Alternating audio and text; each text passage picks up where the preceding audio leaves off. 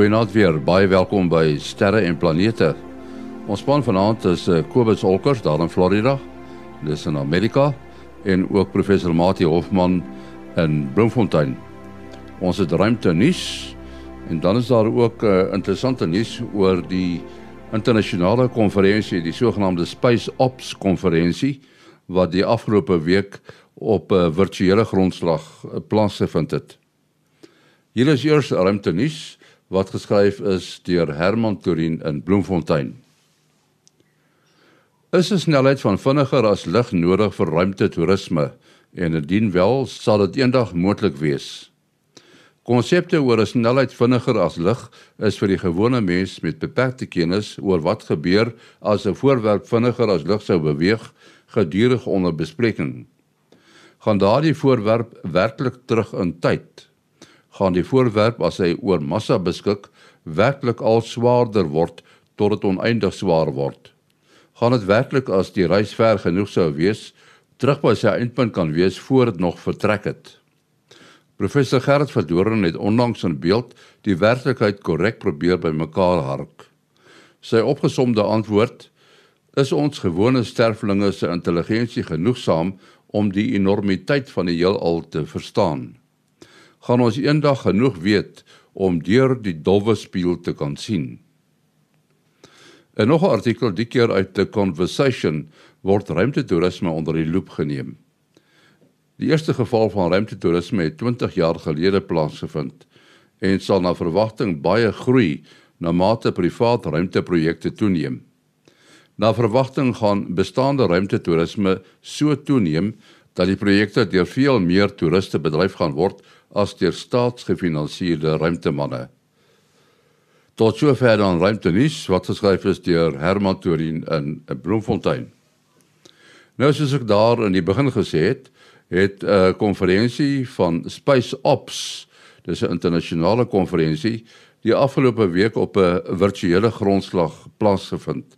En ons het gesels met uh, Tiaan Strydom. Hy is 'n besigheidsbestuurder van SANSA, die Suid-Afrikaanse Ruimteagentskap. En ons het met hom gepraat oor die pas afgelope kongres. Tiaan, uh, is dit die eerste keer dat julle so 'n konferensie hou?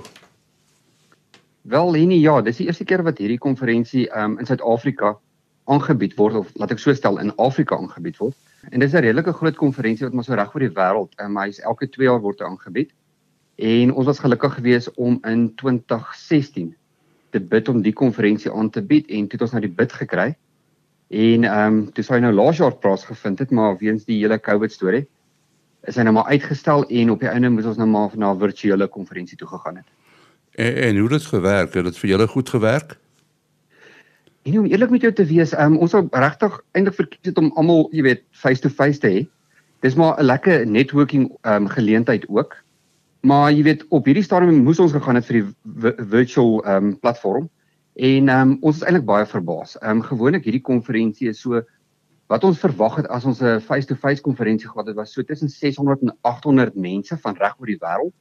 En ehm um, Die getalle wat ons ingekry het vroeër vandag is dat ons sit in die orde van so 2700 hmm. mense wat geregistreer het en dit aanlyn bywoon. So is 'n baie groter voetafdruk wat jy gele gekry het. Ja, uh, jy weet ons ons ons kan nie regtig sê hoekom nie, maar ehm um, dit lyk asof ons net ewe skielik baie meer mense gekry het wat wat belangstel in hierdie tipe van konferensies. Ek dink die groot ding wat bydra tot tot so 'n konferensie is, jy weet ons groot mark vir vir spice is eintlik maar Europa, Amerika en dan die ooste. Ehm um, en vir hulle om konferensies by te woon, dit daar's maar altyd ehm um, jy jy moet travel en al daai goeders. En ek dink nou kan die ou dit van die gemak van sy eie huis af bywoon, jy weet. Ehm um, so ek dink regtig dit maak 'n groot verskil. Ehm um, groot organisasies het nie meer die geld om te betaal elke keer vir iemand om hierdie tipe van konferensies by te woon nie. Nou watter soort sake is be bespreek op hierdie konferensie? Ooh, jong, daar's 'n hele paar goedjies wat wat wat uitgestaan het op die konferensie, maar jy weet 'n paar van die goeder wat ek wat ek net so vinnig kan noem. Ehm um, jy weet ons het begin dag 1. Ehm um, op ons te tegniese program het ons uh, gekyk spesifiek na ehm um, mission operations, satelliet operations, daai tipe van goeder onder die COVID tyd. Jy weet wat het verskillende space agencies en ruimte um, operators gedoen in in in die COVID tyd. Jy weet ons kon nie getravel het nie. Um, ons moes ander planne gemaak het. Baie van hulle het virtueel gegaan. Um, van die huis af gewerk, daai tipe van goeders, maar jy weet, die satelliet het nie opgehou wentel nie. So ehm um, so dit was een van ons van ons topics wat wat wat regtig 'n goeie aftrek gekry het. Ehm um, en dan was daar ehm um, die die die ander sessie wat ons aangebied het, het gegaan oor ehm um, jy weet ehm um, Mars en waartoe almal op pad is. Moon and Mars and beyond. Jy weet ehm um, NASA het hierdie nuwe program Artemis SpaceX is besig om op Mars te gaan. Jy weet so daar's daar's amper so informele nuwe space reis om te kyk wie gaan eers te Mars toe of mense op Mars sit. Jy weet so dit was ons ander groot uh, topik wat ons bespreek het. Dan ehm um, het ons gekyk na kommersiële grondstasie. Jy weet die die tipiese grondstasies wat ons is in space operations. Daar's 'n nuwe gier wat inkom en dit is ouens wat totaal alles automate. Jy weet ons verwys daarna as new space versus traditional space, jy weet. Ehm um, die kommersiële ouens teen die space agencies. Ehm um, ons weet almal van Elon Musk en hoe hy dinge doen en dit verskil heeltemal van hoe NASA en die CNES en die ESA's goed gedoen het jare terug. So dit was ook een van die van die goed wat ons ehm um, bespreek het. En dan die ander groot topik wat ons gehad het is ehm um, hoe maak ons seker dat ons die ruimte beskerm? As ek nou sê die ruimte beskerm, dit klink nou baie snaaks. Maar hoe, hoe maak ons seker met al hierdie duisende satelliete wat opgaan dat daar nie 'n ongeluk is in die ruimte nie? Ehm um, jy weet basies maar kyk na ons ons ons assets en bietjie ehm um, 'n groener tipe van uitkyk oor space het. Ja, dit is 'n hele klop onderwerpe wat uh, aangespreek is. En jy sê nou hierdie hierdie soort konferensie vind elke 2 jaar plaas. Eh uh, is dit so dat eh uh, weet as 'n mens nou 'n konferensie hou dan word daar baie dinge gesê en beplan. Maar dat jy monitor wat op die vorige konferensie gesê is en wat toe uiteindelik gebeur het. Ja, weet jy dit wat jy sê is 100% waar. Jy weet, um, ek kyk nou na die vorige konferensie waar ons was in 2018. So wat ek sê, hy's daar actually 3 jaar gewees, nie net 2 jaar nie. Ehm um, maar as ek nou kyk wat wat uitgekom het uit Marseille in Frankryk uit in die vorige konferensie, is die laaste topik wat ek genoem het, jy weet om te kyk na na space and situational awareness van space is een van die van die van die groot topics wat daar uitgekom het. Jy weet, ehm um, almal is bekommerd oor ouens soos OneWeb en planets en al hierdie ouens wat hierdie verskriklike konstellasie klein satelliete opsit. En dit is presies waarna waar hierdie konferensie nou hierdie as een van ons hooftopics gemaak het, is om dit bietjie te bespreek en daaroor te praat en te kyk dat die die die kommersiële ouens verstaan wat die die groot ruimtenasies se probleem is met hierdie klomp satelliete wat hulle opsit as niemand dit gaan bestuur nie. Ja, baie interessant en dit was aan Tion Strydom. Hy is die uh, besigheidsbestuurder van Sansa en het gesels oor hierdie konferensie wat verlede week in Suid-Afrika plaasgevind het. Eintlik virtueel in Suid-Afrika plaasgevind het, is Space Ops 2021. Dit was dan uh, Tion Strydom wat besigheidsbestuurder is van Sansa wat gepraat het oor die Space Op wat gepraat het oor die Space Ops konferensie wat uh, die afgelope week plaasgevind het. En nou stel ons vir Kobus Olkers aan die woord om te gesels oor die week se ruimte weer. Ja, gelukkig het ons hierdie week 'n baie rustige son voor ons. Uh, ons het verlede week heelwat pret gehad uh met 'n paar fakkels wat losgekom het. Mense was uh bekommerd daaroor geweest, maar nie een, een van daai um van daai fakkels wat losgekom het het by in die rigting van die aarde gekom. Nie, so ons het dit heeltemal ontwyk. Die korona gate is ook stil hierdie week. Uh, daar was een of twee kleintjies die een gaan dinsdagoggend se koers uh, geo-effektief raak en uh, lyk my daar's nog 'n kleintjie wat kom vir later in die week en na donderdagmiddag se koers toe. Maar ek dink selfs ons radio langers en radio luisteraars gaan nie veel effek kry van hierdie dinge af nie. En wat filamente aanbetref is hulle ehm uh, is hulle almal naby aan die pole van die son, so self maak nie saak wat met hulle gebeur nie, ons sal nie eintlik veel van die effek hier by ons kry nie. Tensy dit 'n hyder fakkel is waar een van hulle nou sou platval en dan kan ons 'n bietjie 'n uh, verhoging in ekstra vlakke kry. Maar verder rustige week vir ons. Ja, Kobus, ek kry so 'n halfe idee dat nadat jy nou onlangs, ag, dit kan seker nou 'n hele klompie weke terug wees, gesê het uh, hulle aanvaar nou dat die son sy uh, minimum aktiwiteit bereik ber, uh, bereik het, dat die aktiwiteit maar taamlik stadig optel. Uh, is daar nog hoop op 'n verlengde uh, son minimum wat dan uh, die klimaat weer kan beïnvloed in die rigting van 'n koeler aarde? Ja, as iemand gesê het, wees versigtig waarvoor jy vra, né? Uh, as ons 'n verlengde verkoel uh afkoel uh, tyd lank lang sonminimum soos met die maande minimum was en daar was nog geen ek kan nou nie op hierdie oomblik sy naam onthou nie. Dit dan is dit uh, nie heeltemal net 'n afkoel proses nie, dan is dit 'n 'n kwessie van dat dat uh mere begin begin vres en die soort van goed uh soos wat in die maande minimum gebeur het. Maar my persoonlike opinie is ehm um, ek dink die son het sy draai bereik en ek, ons kan dit redelik duidelik sien as gaan kyk na nou dat die mense vir die lang afstand die lang uh, termyn voorspellings gemaak het uh, sal mense sien dat uh, die die werklike sonaktiwiteitsvlakke is is 2 en 3 keer hoër as wat die mense daai tyd voorspel het. Ehm um, en dit is hoe my uh hoe my uh, Broeksebas vir my sê ek dink ons gaan ons gaan maar weer 'n redelike normale son siklus hê. Maar nou ja, jy weet nooit met die natuur nie, nee, enigiets is moontlik. Ons het 'n vraag hier van Christo Botha gekry. Nou ja, ons het uh, die afgelope tydjie so 'n heerlike vol volmaan gehad. En Christo sê wanneer dit nou volmaan is soos wat dit was, lyk dit asof daar kolle of merke op die maan is. En hy wil weet wat is die merke? Dis sekerlik nie kraters nie. Matie? Uh nee, uh mense kyk baie lekker na die volmaan en veral as dit nou nog nie heeltemal donker is nie, mense sien die maan so teen die uh donkerblou uh atmosfeer, uh want dan verblind die maan mens nie. En dan sien mense inderdaad hierdie patrone in verskillende kulture, die mense verskillende weergawe van wat hulle sien. Ek het nou maar groot geword met die haas met die twee ore en dan weet vir ander kulture is dit nou weer 'n vrou wat uh wat brandhout op haar kop dra.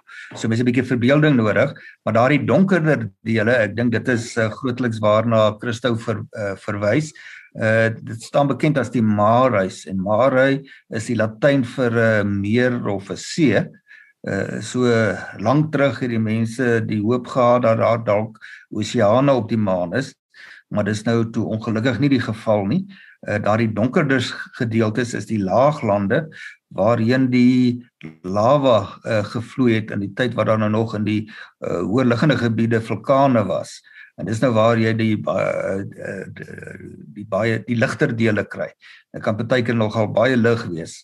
Nou die uh, gedeeltes wat nou die die lava in gevloei het en nou die donkerder uh kleur en daar's ook baie minder kraters uh omdat die kraters wat daar uh gevorm is is nou meer resent. Dit is uh gevorm nadat die groot uh, uh intensiewe bombardering met meteoriete in die sonnestelsel nou al bietjie afgeplat het.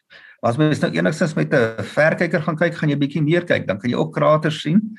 En uh, wel daar's enkele kraters soos uh Copernicus en so aan wat jy wel uh die kenmerke van kan sien. Veral daar waar jy die straalstelsels het wat van daar af uitgaan sulke helder wit strepe wat geassosieer is met die materiaal wat uitgewerp is tydens die meteoriet uh impakte.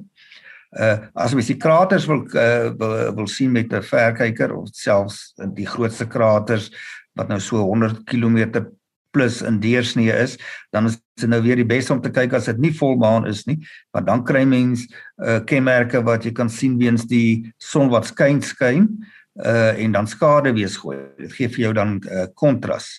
En presies hoe dit lyk uh hang af van hoe skuins die uh die uh, son skyn. En uh, as mens nou gereeld na die maan kyk dan veral met 'n verkyker of 'n teleskoop dan verander dit wat jy sien van dag tot dag of selfs binne een aand sal die toneel 'n bietjie verander uh soos wat die skade wees uh verander. Uh Mati, hulle gebruik uh, dikwels die die woord terminator. Uh ek weet nie wat die Afrikaans daarvoor is nie. Dis mos nou waar die donker deel en die ligte deel van die maan bymekaar kom en dis wanneer 'n mens hierdie skadu's mooi sien.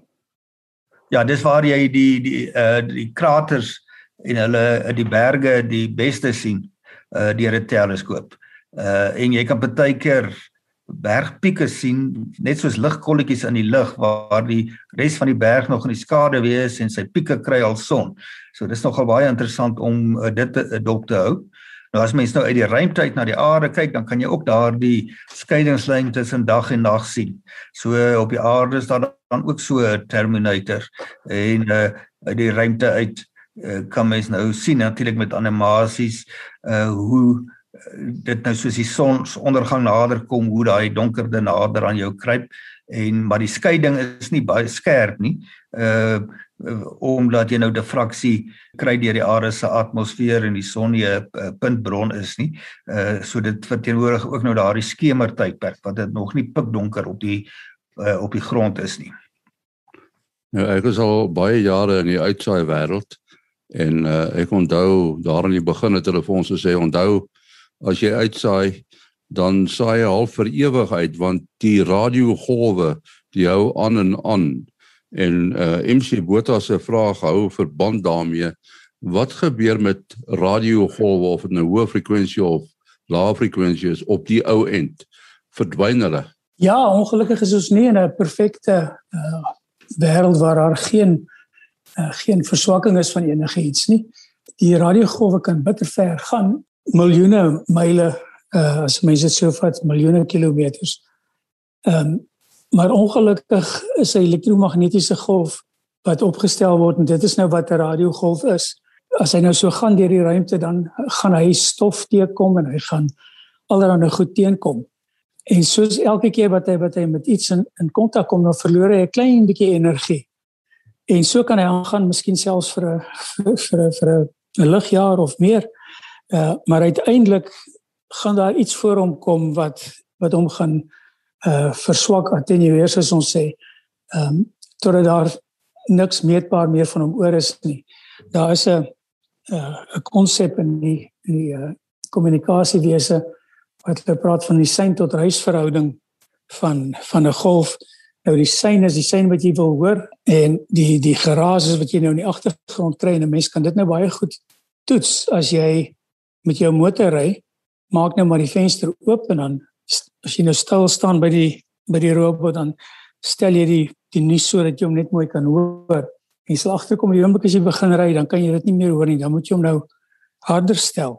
En dit is omdat die geraas meer geword het. Nou moet jy soveel meer so en bo kan die die sein moet nou weer so bo kan die geraas kan uitkom. En dis natuurlik nou een ding wat 'n mens nooit wat 'n mens nooit kry wat wat uh uh, sekere sekere lede van die gesin nie verstaan nie as jy nou besig is om gras te sny buite en die liefstetjie staan op die soep stoep en roep vir jou dan kan mense baie keer nie besef dat dit by hulle is dit stil maar daar waar jy daar waar die persoon besig is eh, kan hy nie hoor nie want die van die sein is is nie hoog genoeg is nie bo kan nie geraas nie nou op dieselfde manier gaan die sein word al hoe kleiner en kleiner soos wat hy geabsorbeer word. En teoreties kan jy hom sal jy hom altyd kan optel totdat die laaste bietjie natuurlik net maar in 'n planeet vasgenom so. Uh as jou radio-ontvanger uh goed genoeg is met 'n wat 'n baie lae reisvlak kan hanteer, dan sal jy hom nog kan optel.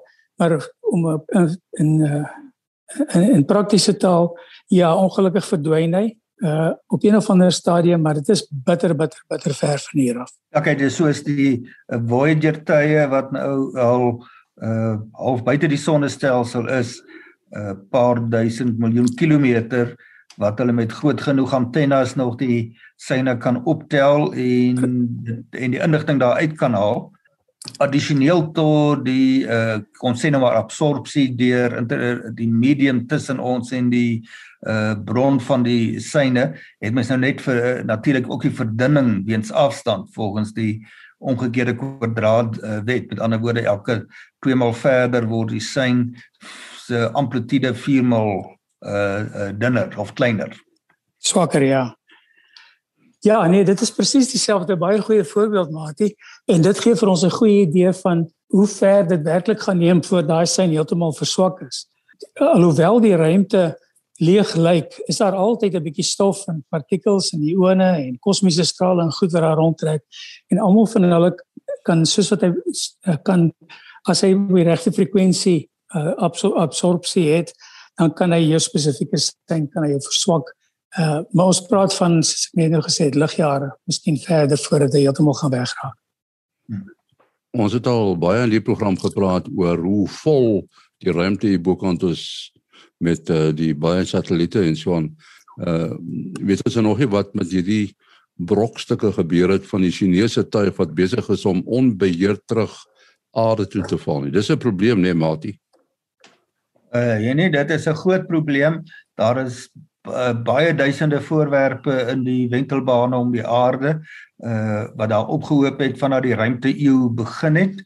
Uh dis nou maar op een sta uh, op enige bepaalde stadiums daar so ongeveer 2000 3000 van die satelliete wat nog operasioneel is en is daar 'n hele paar duisend uh wat al hulle lewe uitgedien het maar behalwe daarvan is daar brokstukke as gevolg van uh ontploffings wat plaasgevind het uh en ook enkele botsings tussen satelliete.